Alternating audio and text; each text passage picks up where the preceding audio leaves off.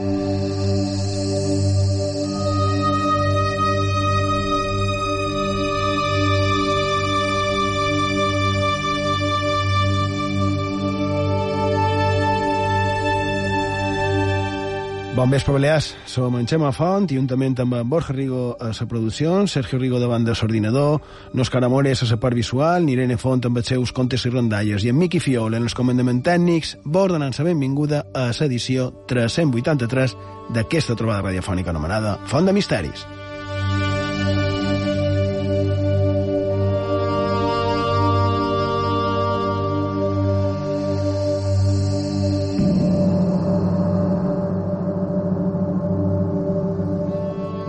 Bon vespre, Borja Rigo. Bon vespre. Sergio Rigo, bon vespre. Bon vespre, Xema. Si t'assembla, feim sumari i començam?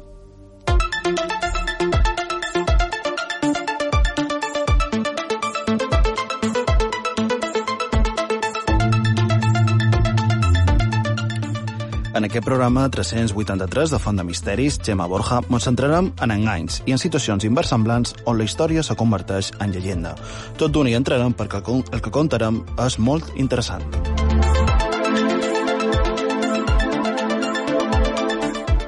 I una setmana més tornen a Irene Font en la seva secció Contes i Rondalles.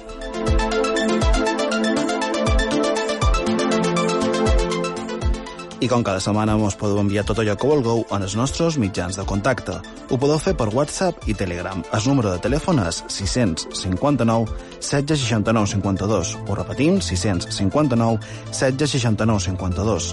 També ho podeu fer per correu electrònic fontdemisteris arroba ivetresradio.com Ho repetim, fontdemisteris arroba ivetresradio.com també mos podeu seguir a les xarxes socials. A Facebook i a Twitter mos podeu, ho podeu fer cercant Font de Misteris. També a Instagram. Allà mos trobareu cercant Font de Misteris i Vetres. I ja sabeu també, si voleu, podeu recuperar tots els nostres programes d'aquesta desena temporada i de les anteriors.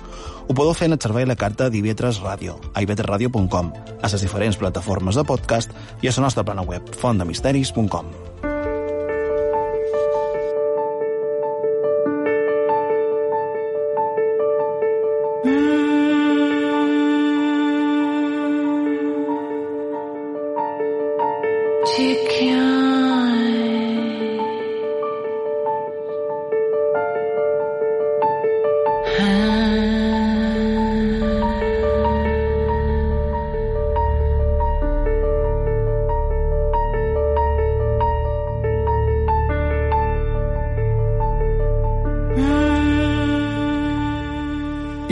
Sergio, mm, tenim previst a l'escaleta que comencis tu i de què mos vols contar? I d'avui, Xema i Borja, vos vull contar aquesta història, que la veritat és molt sorprenent i ens serveix per introduir el tema d'avui, i que han conegut en el portal Neoteo. Ens han d'anar fins a l'1 d'abril de 1989. Aquell dia, en Richard Branson, que ho sonarà per ser responsable d'una gran empresa que està de moda, va decidir fer una broma de grans dimensions en els ciutadans de Londres. Ni més ni manco que fer volar, així com sona, un objecte volador no identificat, és a dir, un ovni.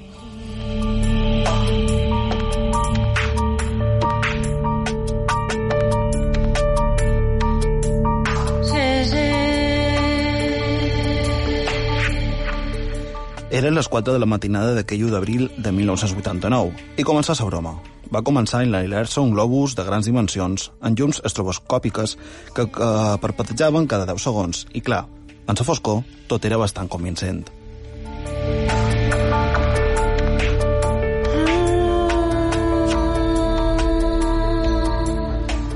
A mesura que aquest particular ovni, que per cert existeixen fotografies que podeu trobar a la xarxa, i de mesura que aquest ovni volava i anava per l'autopista, va deixar molts de conductors sorpresos que tot d'una, recordam, any 1989, van córrer cap als telèfons d'emergència per explicar que estaven veient en el cel. Naturalment, el trànsit se va aturar i la ràdio i la televisió se van fer ressò de la notícia. També la policia va sortir al carrer i l'exèrcit va estar en alerta.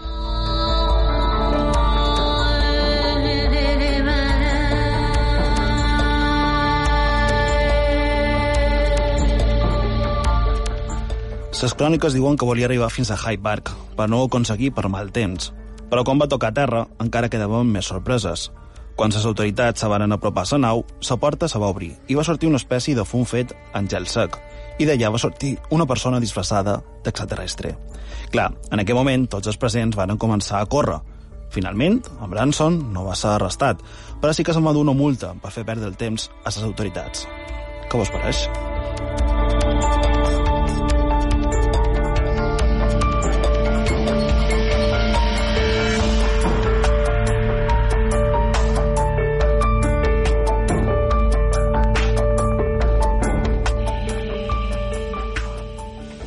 I de jo m'aparia molt simpàtic i, i, i molt graciós el manco vist així, eh? com, a cosa, com a cosa de broma. Has dit que a les xarxes hi ha, hi ha fotografies d'aquest globus en forma d'ovni. Nosaltres l'hem emprat per il·lustrar el, el programa. Òscar Amores ha, ha agafat precisament una d'aquestes fotografies. També hem de dir, has parlat de llums estroboscòpiques, que han de dir que no hi havia drons en aquell avançar. Eh? I de, allò m'ha parit molt simpàtic vist com a cosa de broma, perquè una altra cosa és si ho hagués fet per ridiculitzar o, o, o quelcom semblant, no? Com, per exemple, sí que, que se va intentar en les anomenades alertes OVNI que varen fer a Sia de Mallorca. Eh? Una la varen fer l'any 2002 i l'altra la varen fer el 2012. Eh? Això va ser una idea represa per Níker Jiménez i, i bé, i a les, a les Illes Balears, a la persona que se va encarregar de, de dur-ho a terme, pues, va, vaig ser jo, no? I, i va haver qui va amenaçar, entre cometes, clar, de llançar en el cel làmperes queixes que duen una petita animeta de llum, eh, un petit espelma que encaranteix l'aire d'un petit globus que està fet de paper i que el fa volar. És a dir, són com globus de paper que mm, s'anomenen, se coneixen com a llinternes xineses. No? I va haver qui va dir que, que ho faria, que faria això de les llinternes xineses per així confondre i per fer creure que eren ovnis, no? que, que el que saboria, saboria serien coses rares en el cel que a part del do, que és en si mateix, el problema és que és molt perillós i això pot ocasionar un incendi. Així que quan va haver qui m'hi va dir mm, això se deia per correu electrònic i tot això, perquè les xarxes, principalment en el 2002, ben poca cosa hi havia, i de, quan me varen avisar de que me pensaven gastar aquesta mena de broma o de tractar de, de fastidiar, i de, jo el que vaig fer va ser avisar la Guàrdia Civil pel perill que suposava que qualcú tirés aquestes làmperes. I, i sobretot perquè érem a Banyalbufar, a sentit cant de futbol, és a dir, que estàvem enmig de la serra de Tramuntana, o sigui, a Mallorca, o sigui que imagineu el, no? I en el cas que tu has comentat, en Richard Branson, que per cert té una casa, bé, una casa, té tota una possessió, també a la serra de Tramuntana, a Mallorca, que ara s'està convertint en quelcom semblant a un hotel, i que, per cert, per cert, està ben a prop d'on érem i d'on vaig denunciar aquesta tirada de, de globus de llum, no? I de, deia que el nostre veïnat, en Richard Branson, a part de milionari, a part de tenir visió de negoci, a part de ser un gran aventurer, també és un gran bromista.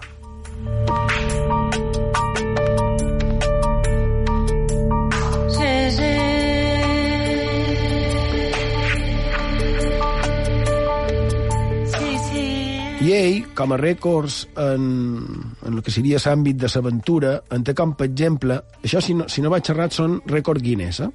té el primer en fer en, en pujar quatre persones a un kitesurf, el primer en atravessar l'Atlàntic en globus, també en globus el primer en travessar l'oceà Pacífic, també la persona amb més edat en creuar el canal de la Manxa en kitesurf, i crec que encara no ha aconseguit donar la volta al món en globus, que ja ho ha fet un altre, i, i bé, damunt del, del globus, que era del que parlàvem, perquè ell vam anar a fer el globus més gros que s'havia fet, 65 metres cúbics tenia. Això era l'any 87, per anar de Maines, estat en l'estat dels Estats Units, que no té res a veure amb el vaixell que varen comentar la setmana passada, i de anar des de Maine fins Irlanda del Nord. I bé, també té qualque rècord d'allò més curiós. Rècord del primer en aconseguir més d'un milió de seguidors a LinkedIn, eh? la xarxa aquesta eh, professional, diguéssim, i també uh, és el presentador de televisió més ric, eh? de, crec que del món. Ja dic és tot un record, man.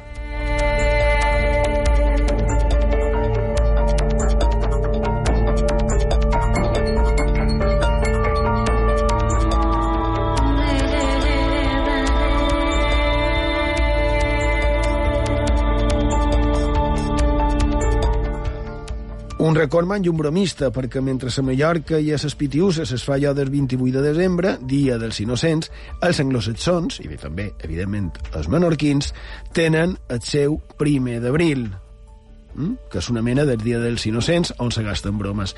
I en Branson és ja una tradició que faci això, com va fer lo de Sovni, com ha fet moltes d'altres, no? qualcuna que, que ha acabat de manera un poc estranya, i, i ja és com a tradició veurem quina la farà ell pel dia primer d'abril no?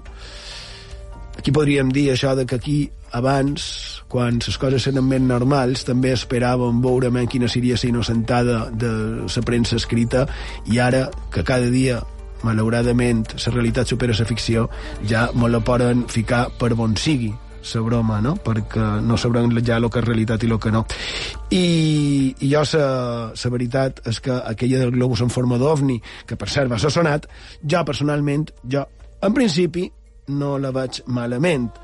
Va ser publicitat per ell, però tampoc crec que ho fes en la idea de ridiculitzar. No ho sé. Borja Rigo, tu què penses? No sé si faig ben de manera I de... aquesta vegada diré que estic d'acord amb tu. Realment no m'apareix malament, m'apareix una broma molt simpàtica, molt divertida, llevat de el petit disgust dels aficionats en el tema ovni que degueren veure allò i després varen saber que no, llevat d'això que, bé, és un, és un disgust de tants que mos arribam a dur tots aquells que mos agraden aquests temes, llevat d'això m'apareix molt simpàtic i molt divertit. També, per cert, podem recordar que en Branson li deu moltíssim a la música contemporània, o al revés, la música contemporània li deu moltíssim a en Branson, perquè ell va ser l'únic que a principis dels anys 70 va apostar per un molt jove Mike Oldfield per publicar Tubular Bells. Les altres discogràfiques, jo crec que totes les altres que hi havia al món no el volien. I ell va ser el primer que va apostar per aquest, i, per aquest gran projecte. I probablement això va fer que ell pogués eh, una mica començar aquesta carrera que, empresarial que, que ha duit. Ja en els començaments, quan no existia gairebé internet, vaig investigar damunt la seva trajectòria i la veritat és que és molt curiosa perquè va començar des de baix de tot, no? I, i ara, eh, a més, s'ha convertit també una mica, pel que sembla, en filàntrop Uh, avui mateix ha sortit, uh, ho he vist en el diari Última Hores, uh, aquí a Mallorca, que en Richard Branson, pescat de fibló de fa un any i mig a, a Banyalbufar, que se va dur per davant la teulada de, de l'església del poble mallorquí de Banyalbufar, i de, ell ha dit que se dirà 10.000 euros no? per, per poble. I ja sembla que té, i, i supos que m'entendreu, ja té tots els permisos per fer el que ha de fer a la seva possessió, no? O sigui que, si és com sembla, també és d'agrair. I també, perdona un, un segonet, um, al igual que he dit que va fer aquesta broma en, uh, i va obtenir publicitat, que de fet el títol de, del programa d'avui és una mena d'això, no? com aprofitar-se dels enganys, um, en aquest cas ell també s'aprofitarà, també m'imagino que per la publicitat que, que li representa aquest 10.000 euros, que per cert encara falten dos bes per acabar de, de poder arreglar el teulat de l'església de Banyalbufar. O sigui que també és una crida a altres com ell, no? Que per cert, tornant en el tema de, de la broma de Sovni, en Sergio comentava que no, van a, no el van detenir ni res semblant, s'hauria de veure si aquesta broma l'hagués fet un mortal corrent. Per ventura hagués canviat una miqueta la situació. No ho sé. A lo millor estic dient massa, però no m'estranyaria tampoc. Mm, perquè l'E89 ja era una personalitat bastant rellevant a nivell mundial. Sí, sí, ja ho era, i tant que ja ho era. Ja havia intentat donar la volta al món i coses d'aquestes. Sí, sí.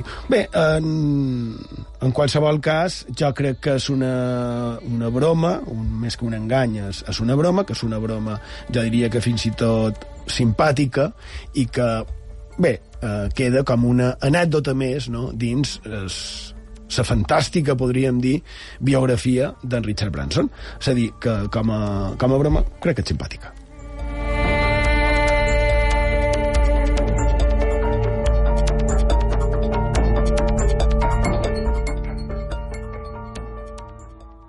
Xema Font.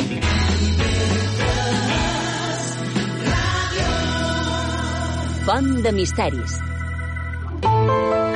Ara ja entenc per què les parelles que hem anat entrevistant en aquest programa, que duen més de 50 anys plegades, jo crec que ho compleixen gairebé tot, eh? comunicació, detalls, eh, bé, innovació sexual i allò que tu comentaves, compromís i sobretot saber crear-se una, una intimitat. Moltes gràcies per aquest consell. M'haig apunta la plegueta de coses per fer, perquè si aquest programa m'ha de servir de qualque cosa és per aconseguir un amor etern. A IB3 Ràdio, Carta Blanca. La moda a les tres taronges. Un passeig per totes les estacions del desig Diumenge a les 9 del vespre amb Xisco Nadal. Cada dissabte a les 10 del vespre ens miram l'actualitat amb distància des de l'Oasi. Una remesa de plátanos procedente de Colombia se encontraron más de 100 kilos de cocaïna. Tampoc ho han inventat els colombians, això, eh? A les Illes Balears fa molt de temps que s'hi ofereix fruita amb cocaïna. Fins i tot el, el Miquel Montoro en va fer un vídeo dels seus. Avui vos explicarem les taronges. Això, d'aquí... Sí, la coca. Aquesta blanquinor. Ah, exacte. Això és el que cura els, els constipats. Ah, mira. L'Oasi, el racó d'humor i sàtira d'IV3 Ràdio. I d'any no, això no s'enlleva. IV3 Ràdio. És història.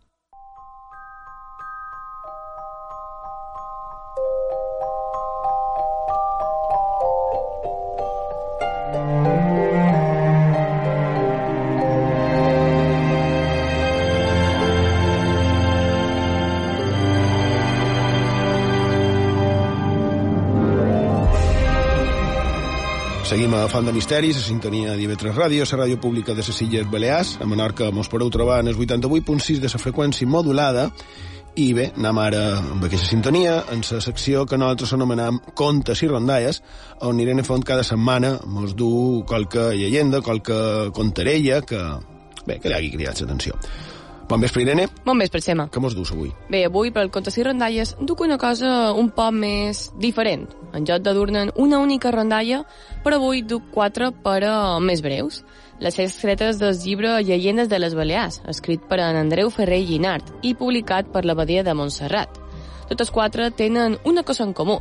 Per una banda, que estan ubicades totes a Falanich, un poblet de l'est de l'illa de Mallorca, i per l'altra banda que totes tenen relació amb el castell de Santueri, un antic fortí ubicat a una colina, a la que només es pot arribar per una carretera sinuosa.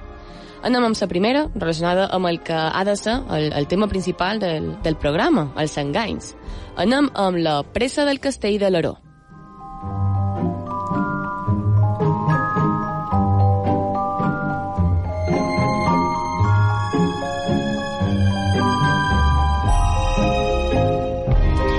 Diuen que damunt el castell de l'Aró, dins lo que era antigament jardí, hi ha una pedra semblant a una cadira, La gent l'anomena la cadira del rei moro. Allà s'hi asseia sempre el principal dels moros. Quan el rei en Jaume hagué conquistat Palma, se dirigí al, al castell de l'Aró i pujar i digué als moros que es trobaven allà «Vos donaré la llibertat si vos tireu a baix del castell». Ells no gosaven tirar-s'hi, però a la fi un digué «Jo m'hi tiraré dins una eufàbia. Si no me fas mal, vos hi tirareu voltros». El va posar amb el cap dins l'eufàbia i el varen tirar cap avall, per aquell serrat tan alt i, i ja ho crec que ha quedat tot destrossat.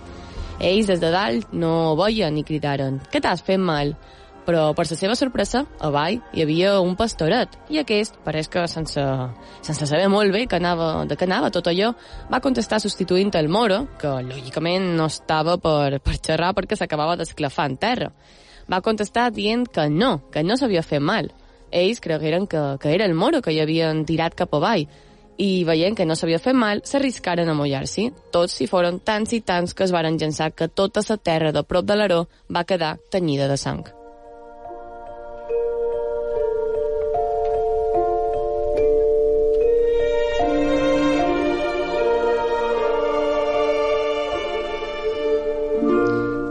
Efectivament, el terreny dels voltants de l'Aró i del castell és vermellós i el poble creu que és per la sang que hi derramaren els moros.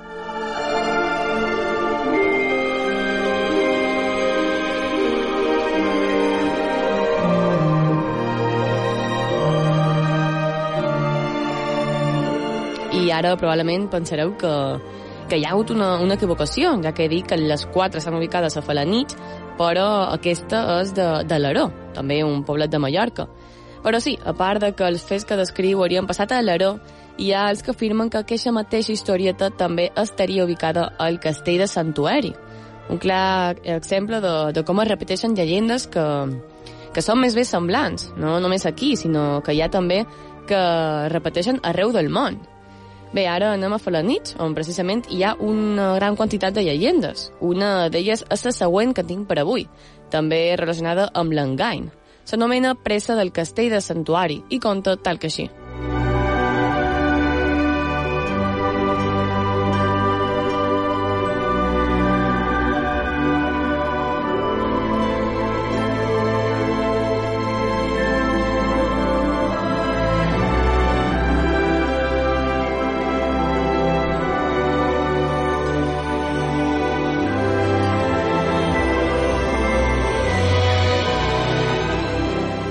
Per tota Mallorca trascar el gran rei en Jaume per esvair-ne els moros, és a dir, per fer-los desaparèixer.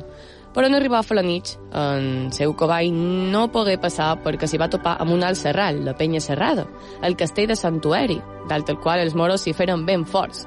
Però el rei en Jaume, que hi sabia molt, se les va enginyar i va dissenyar una estratègia, va agafar un missatge dels moros anomenat Amet i va tractar de comprar-ho. Per això li va dir, si tu mos dius com hem de fer perquè els moros davallin d'allà dalt, és a dir, del castell roquer, te farem rei de Mallorca. Aquell criat, sorprès amb la proposta, li va construir una escala de corda, formar un ullastre a la part de darrere i, al tenir-la formada, armar un gran ball just a baix del castell, a la part de davant, durant una ballada. Els moros, que eren molt afectats al baix, al sentir els instruments, tots sortiren a guaitar el ball per la part de davant i, mentre estaven molt distès mirant-lo, els cristians pujaren al castell per l'escala de corda penjada darrere, matant i degollant tots els que podien agafar. Tots els que podien corrien per cercar on amagar-se, posant-se els caps dins eufàbies, creguent-se així lliures. Però els cristians els tiraven castell a baix i acabaven morint, morint esclafats i si aquests no morien d'això, els soldats de baix del castell s'encarregaven d'acabar la feina.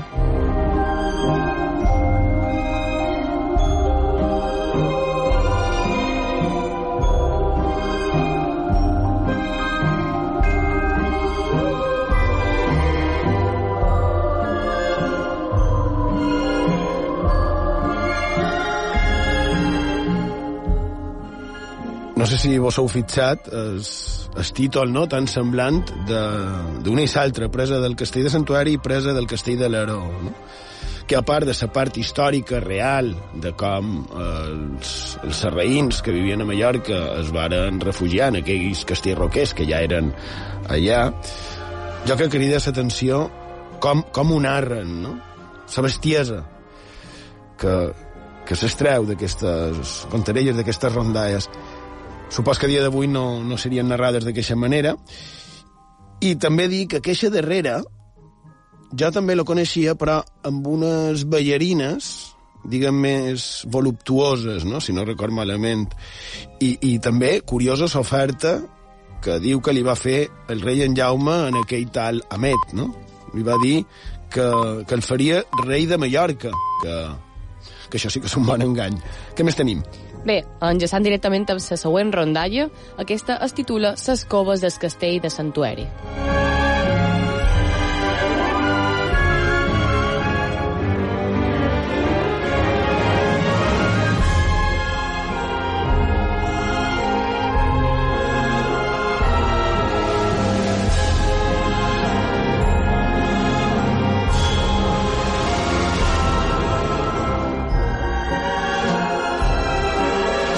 Diuen que el castell de Santuari, del terme de Falanich, té tres coves.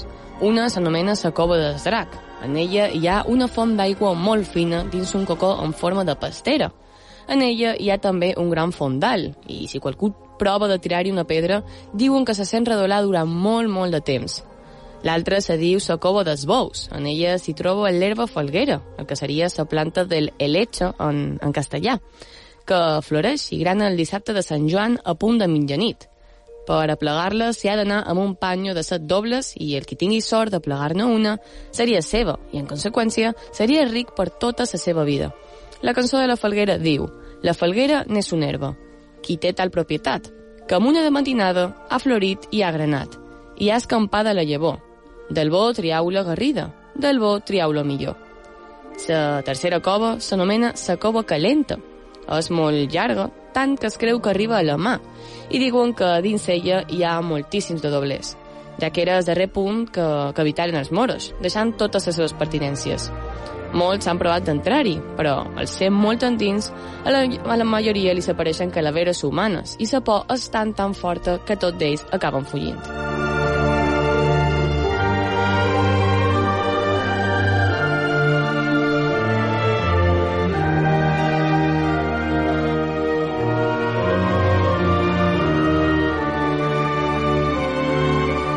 Tres coves, cada una amb una característica. Bé, deixant de banda la part més eh, geològica de la cova del drac, m'ho vull fixar um, amb el detall d'una de, falguera que et fa ric. I trobo que és curiosa perquè perquè aquest mateix fet a altres bandes, com a Santa Eulàlia del, del Riu, això de que grani la falguera la nit de Sant Joan és un mètode per aconseguir no fer-se ric directament, sinó de fer-se amb una d'aquells éssers màgics. Crec que és curiosa la semblança. I també un altre fet que repeteix molt és allò d'una cova plena de doblers. No sé jo, tot això me sona més engany i conte popular. Però, qui sap, tal vegada un troba una d'aquelles coses qualque dia i, i s'arriba a fer ric.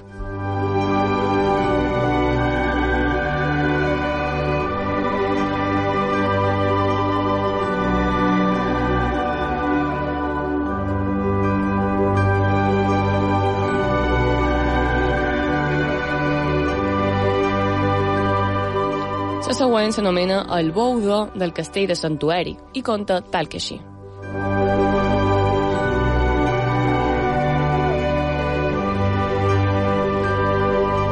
Del castell de Santuari de Franits es conta que hi havia un boudó encantat. Per desencantar-ho li havien de donar tres llesques de pa beneïdes.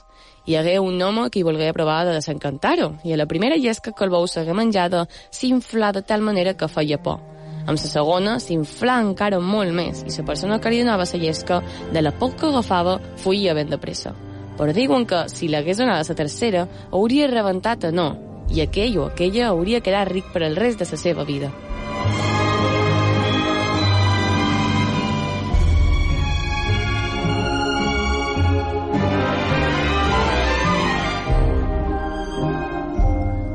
Bé, jo crec que és interessant, no?, aquell recull que has fet vinculat en s'engany i només amb el castell roquer de Santuari, no? un, un altre clar exemple de la quantitat de, de llegendes, de contarelles, de rondalles, d'historietes que tenim a les nostres illes.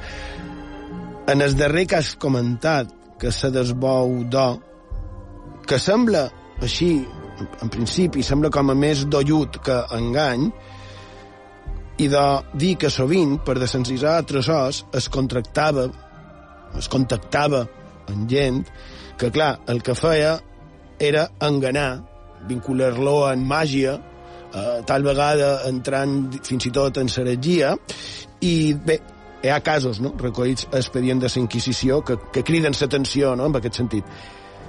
Curiosa també aquesta repetició d'històries a una i una altra banda, eh? ja sigui pel fet de la mateixa mm, que, que, que has contada, que també està recollida a l'Aró i a Santuari, una per en Ferrer Ginart, l'altra per Antoni Maria Alcobé, també has contat de desball, en el qual també diu que se tiraven amb baufavis en el propi castell de Santuari quan a l'altre de l'Aró també deien el mateix procés, no? I també, evidentment, molt curiosa aquesta semblança amb la falguera. Aquella curiosa història de que se t'hi fas, si t'aconsegueixes fer amb una llavor d'aquella planta una nit especial, amb unes condicions especials, tindries, i d'això, eh, tota la màgia del teu costat. Però, clar, com sempre deim, el problema de la falguera és que no fa llavors.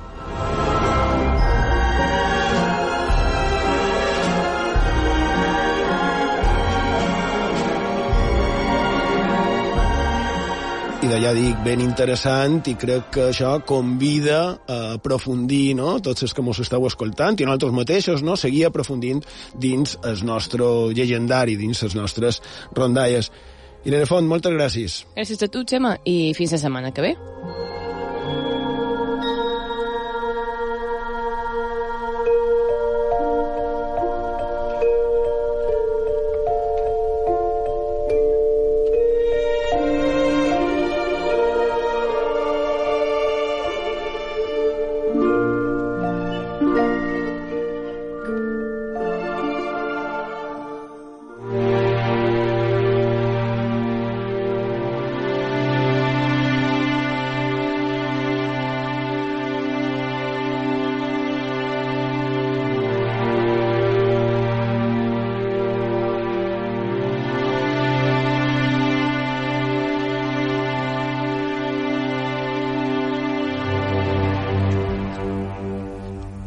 Anem idò, eh, ara amb el tema principal, que li deim nosaltres, el tema principal del programa, i la setmana passada ho deixàrem en l'apòstol Santiago, en Sant Jaume, a Saragossa, que diuen que se li va compareixer la Mare de Déu, que bé, això està recollit eh, en el seu llegendari, és un fet ben, ben conegut, ben popular, que, bé, la Mare de Déu del Pilar, que varen dir que segons la cançó no volia ser francesa, però que l'estàtua que tenen allà, Saragossa, en si mateixa sí que ho és francesa. Eh? És a dir, enganys, que d'això està anant el programa d'avui, i diuen que no vol ser francesa perquè, perquè és, o diran que era, un símbol contra francès.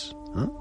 Allà, damunt d'un pilar, que d'això li veig seu nom, i, i si aquella eh, suposada aparició de la Mare de Déu a Saragossa va ser un fet rellevant i conegut, un altre un altre fet molt més dramàtic va ser el que va patir la mateixa ciutat de Saragossa durant la coneguda com la Guerra del Francès. Eh? La defensa de la ciutat en s'anomenat setge, setge de Saragossa, el sitio de Zaragoza, eh? com el coneixen allà, on la guerra d'independència es varen defensar com varen poder, amb alguna fins i tot dosi d'ingeni, com el cas que vull contar.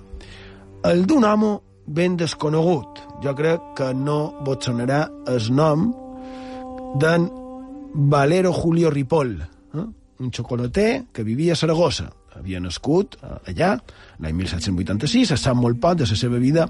El cas és que davant de la situació que es veien venir eh, en, en aquesta segon setge de Saragossa, va anar al general de ses, eh, se'n va anar al general de les guerrilles perquè la defensa s'havia de fer mitjançant això, guerrilles, i va anar per demanar-li una companyia de guerrillers, de soldats, per d'aquesta manera fer-se, li va dir, en sa fortificació de Calatayud.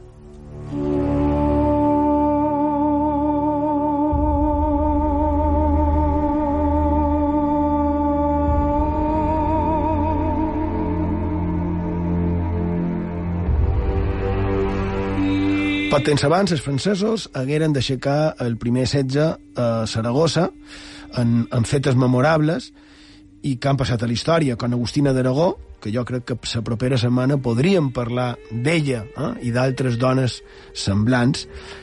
El cas és que el general en Palafox, que així es nomia, li diu que no, que en absolut, que, que com pretenia atacar directament una, forti, una fortificació com la de Calatayud, i ell fort i no moguis, que, que sí. Res, li diuen que no, que de cap manera, i ell què fa? I doncs reuneix un grapat de companys i cap allà que se'n van per tal de recuperar, sense cap tipus d'ajut, aquell fortí. Però ell anava amb aquell grup de guerrillers voluntaris, però abans d'arribar, i probablement perquè no tenia massa clara sa tàctica, o bé perquè veren el perill, o perquè varen pensar directament que, que, que en Valero estava una mica sonat, aquell grup que li acompanyava el va abandonar. Cosa lògica, també, si ho pensam. El varen deixar tot sol, allà. Bé, tot sol no. El varen deixar amb un amic.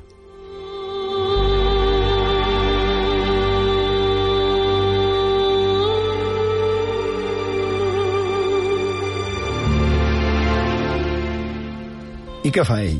Retirar-se, com havien fet tots els altres, i de no, cap allà que se'n va amb el seu amic.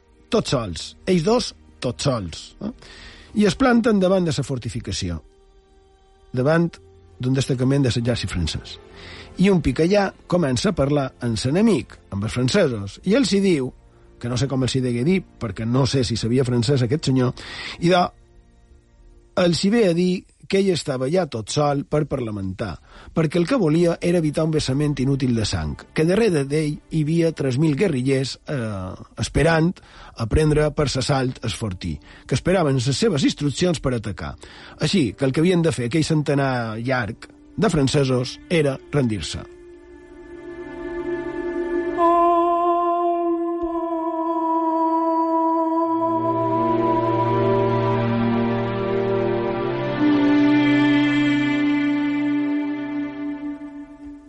Què va passar? I del que, contra tot pronòstic, aquella guarnició de francesos va rendir-se davant d'aquell dos que se'ls en van endur presoners sense haver disparat cap tret de Calatayud fins a Saragossa.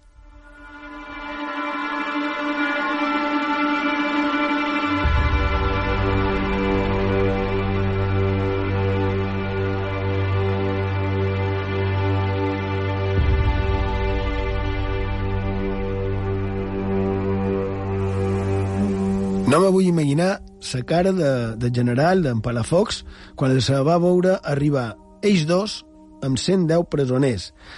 I, i clar, el se va premiar. Però és que tampoc me vull imaginar la cara de Mambos que se'ls digué quedar en aquells soldats francesos que varen ser enganats per aquell manyico.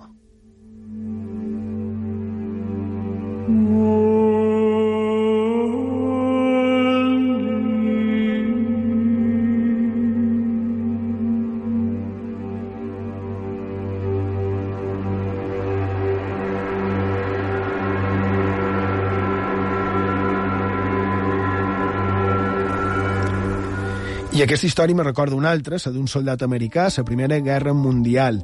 En aquest cas, ell tot sol va capturar a 132 soldats enemics i va fer aturar més de 30 metralladores.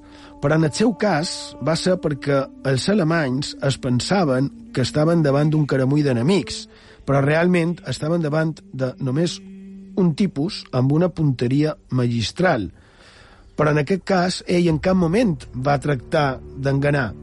El que va fer va ser complir les ordres de que van ser enemic i va ser l'enemic que es va rendir en veure que els integrants d'aquella guarnició estaven sent abatuts un darrere l'altre, sense veure qui era els qui els estava matant, no? Es van rendir i aquell, bé, era un cabo de l'exèrcit americà, la Primera Guerra Mundial, va arribar de tornada en el seu destacament amb 132 presoners alemanys que es varen rendir pensant que hi havia un caramull d'enemics, quan realment ell havia sobreviscut a un atac anterior, ell i, i un parell més, perquè realment eren literalment quatre mal comptats aquests que varen capturar. Però que varen capturar 132, eh, aquests quatre mal comptats, però clar, és que realment va fer maig, va ser només un. I, per cert, aquest senyor, Nalvin York, a dia d'avui és, cent anys després, és encara el militar nord-americà amb més condecoracions.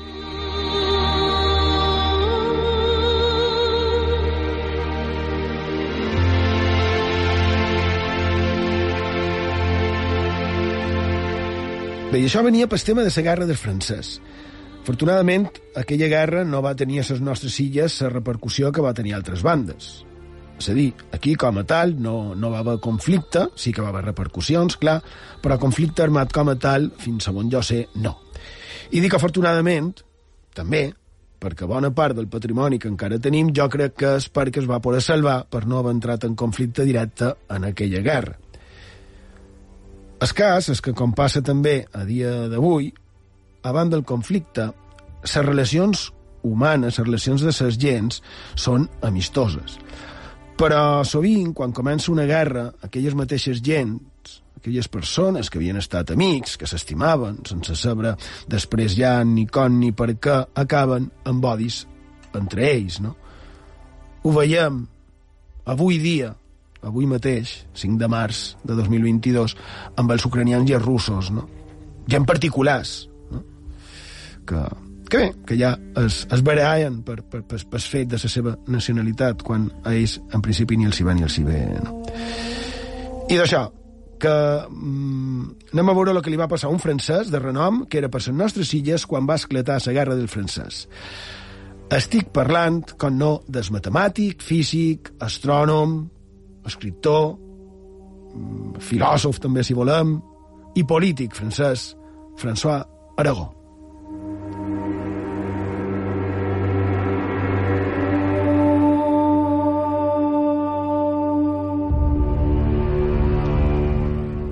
Ell era de Perpinyà, que sembla una dada irrellevant, però no ho és. No? El cas és que per fer els càlculs del meridian de la Terra, el govern francès l'envia cap a Balears, primer a Formentera i després, l'any 1808, a Mallorca. I allà, des del Galetzó, fa les seves proves fent fogateres per, mitjançant triangulació, anar calculant el meridià de la Terra i bé, tot una monada, bones relacions, s'investigava, tot perfecte, i d'allà era, eh, en el cim del Galetzó, que és una muntanya de Mallorca, i esclata la guerra de la independència. I clar, els pobles, les persones, les gens, varen pensar que aquí francès, que allà dalt feia aquelles fogateres, no ho feia per calcular res, evidentment, sinó que ho feia per avisar i fer senyals a les esquadres franceses per tal de donar informació de Mallorca. Així que decideixen que era un espia, i pugen cap a la caseta, que encara avui du el seu nom, eh, a la mola de l'Esclop, a Andratx. I pugen a cercar-lo, en sa, que en la pretensió de linxar-lo. I què fa ell? I do compten que es muda de roba, es disfressa i se'n va cap a baix. Se'n va cap a s'encontre dels seus futurs captors i probablement agressors. I quan es troba amb ells, recordeu que dic que era de Perpinyà, Perpinyà, on encara dia d'avui és el Palau dels Reis de Mallorca, on encara hi ha qui parla com nosaltres, a, a Perpinyà. I de... què fa? Pues, com ell era parlant, els hi diu ell amb un perfecte mallorquí, en els que anaven cap a ell, els hi diu que el, que el francès que estaven cercant estava allà dalt, a dalt del cim, que pugessin, que ell anava cap a baix a cercar ajut.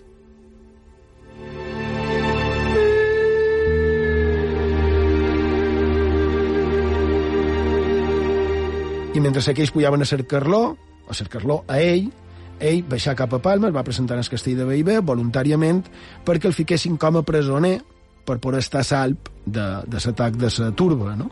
El primer innocent que demana s'ha tancat, va dir ell a la seva biografia. En el final, després d'un mesos i sota paraula de no, va ser alliberat i traslladat cap a Argel. I aquesta història, que sembla falsa, és certa. Tal vegada no es va disfressar de pallès i es va disfressar de mariner, però a excepció d'aquest detall sense massa transcendència, sí que la història és certa. Va aconseguir enganar a uns que anaven cap a per ell i finalment, com que va fugir i va salvar sa vida, va, va arribar a ser ministre i cap d'estat en funcions de França, quasi res un tipus interessant, digne de ser tractat a font de misteris, que va saber enganar en aquelles gens de Mallorca de fa 200 anys.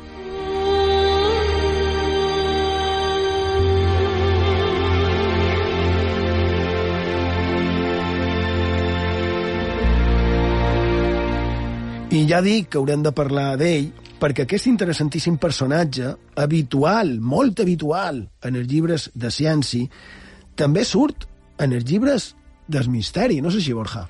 I doncs sí, és un personatge que se vincula el misteri de moltes maneres, ara en comptarem ràpidament només una, i és en relació a un suposat cas ovni que va tenir lloc al Campo de Criptana, a Ciutat Real, l'any 1826. Series que està considerat com a primer cas ovni a Espanya, segons premsa, que va descriure de la següent manera. Un objecte en forma piramidal que va descendir en direcció occident-nord. Feia una llum resplendent que va deixar els testimonis ben corpresos i no podia ser confós amb un nigul ni en res semblant. A més, allò, el que fos, hauria caigut i ser molt interessant no gaire en fora del poble. I va ser precisament el propi Aragó qui va recollir aquesta història a un llibre que va publicar l'any 1857.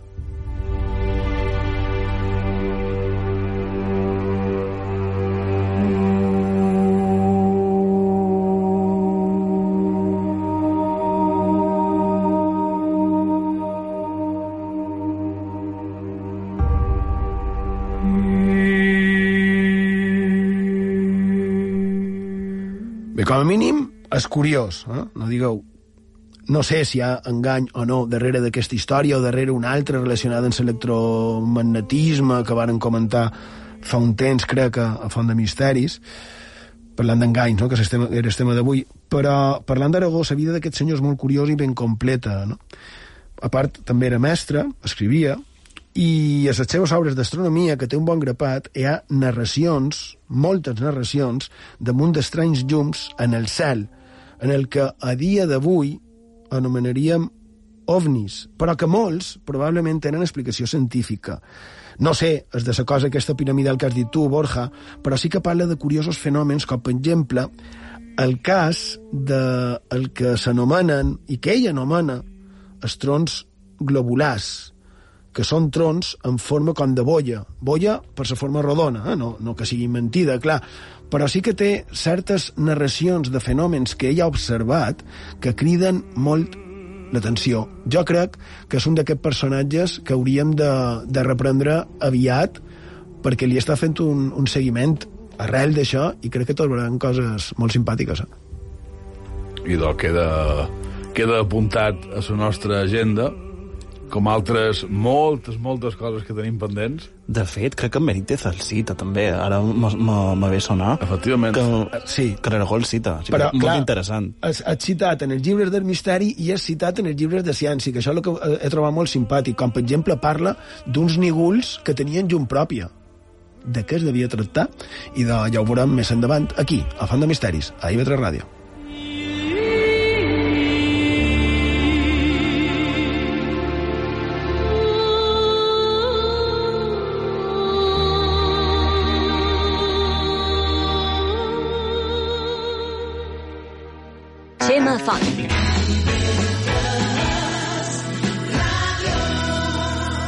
Font de misteris. Aquest diumenge, primera i segona divisió. A les 4 de l'hora baixa, Ponferradina, Uda Eivissa. Tota la prèvia a partir de les 3 i mitja. I a les 6 i mitja, Celta de Vigo, Real Mallorca. Els de Lluís García Plaza visiten l'estadi de Balaïdos amb ganes de tornar a l'illa amb els 3 punts. Tota l'emoció del futbol professional a IB3 Ràdio, la ràdio pública de les Illes Balears. IB3 Ràdio. Es memòria.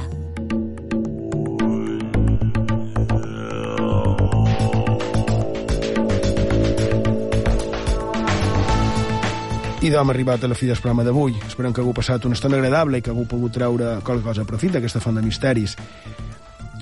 I bé, si torna a dir que la història repeteix, que no aprenem, totes aquestes coses ningú es sorprendrà. És una realitat, una trista i constant realitat, no hi ha cap dubte. I tampoc hi ha cap dubte que quan un té el poder, o creu que el té, o et sent superior als altres, pot originar una escalada de violència, d'odi, de patiment, que pot arribar fins on, on no imagina. Posarem un exemple. Fa 150 anys, en el que actualment és Panamà, una terra on hi havia molt de nord-americans que anaven per la febre de, de l'or. Eh? També anaven per allà per la importància del, del trànsit marítim, ja estava fet el ferrocarril que unia els dos oceans i, i que va ser imprescindible per la construcció del famós canal, eh, del canal de Panamà.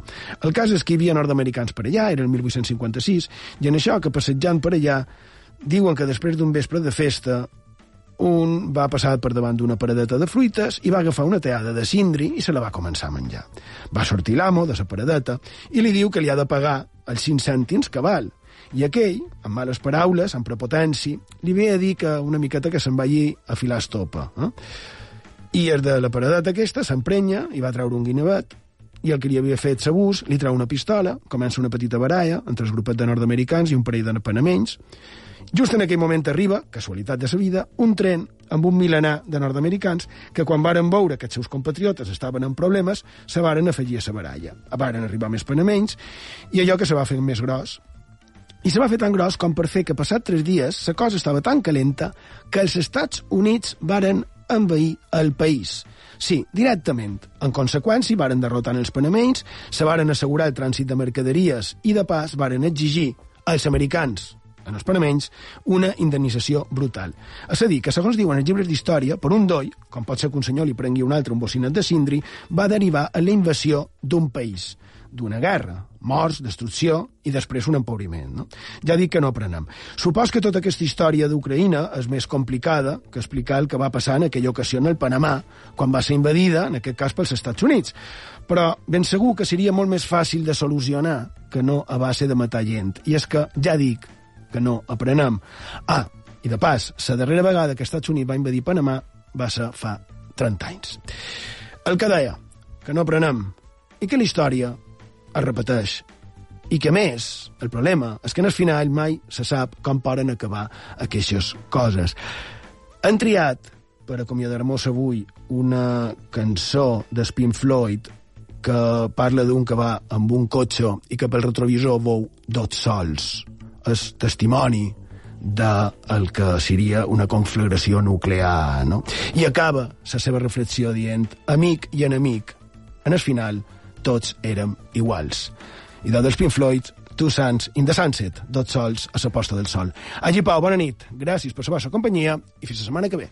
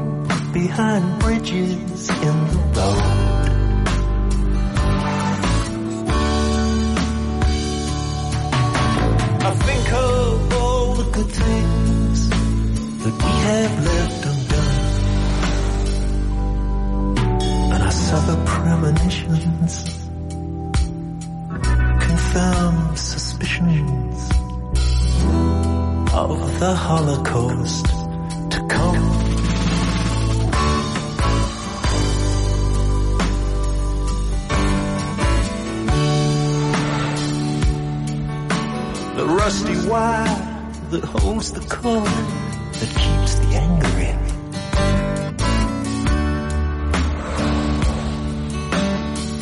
Gives way and suddenly it's day again.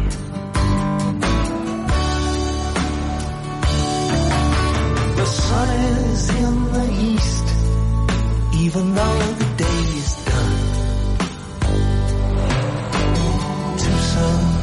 the sunset.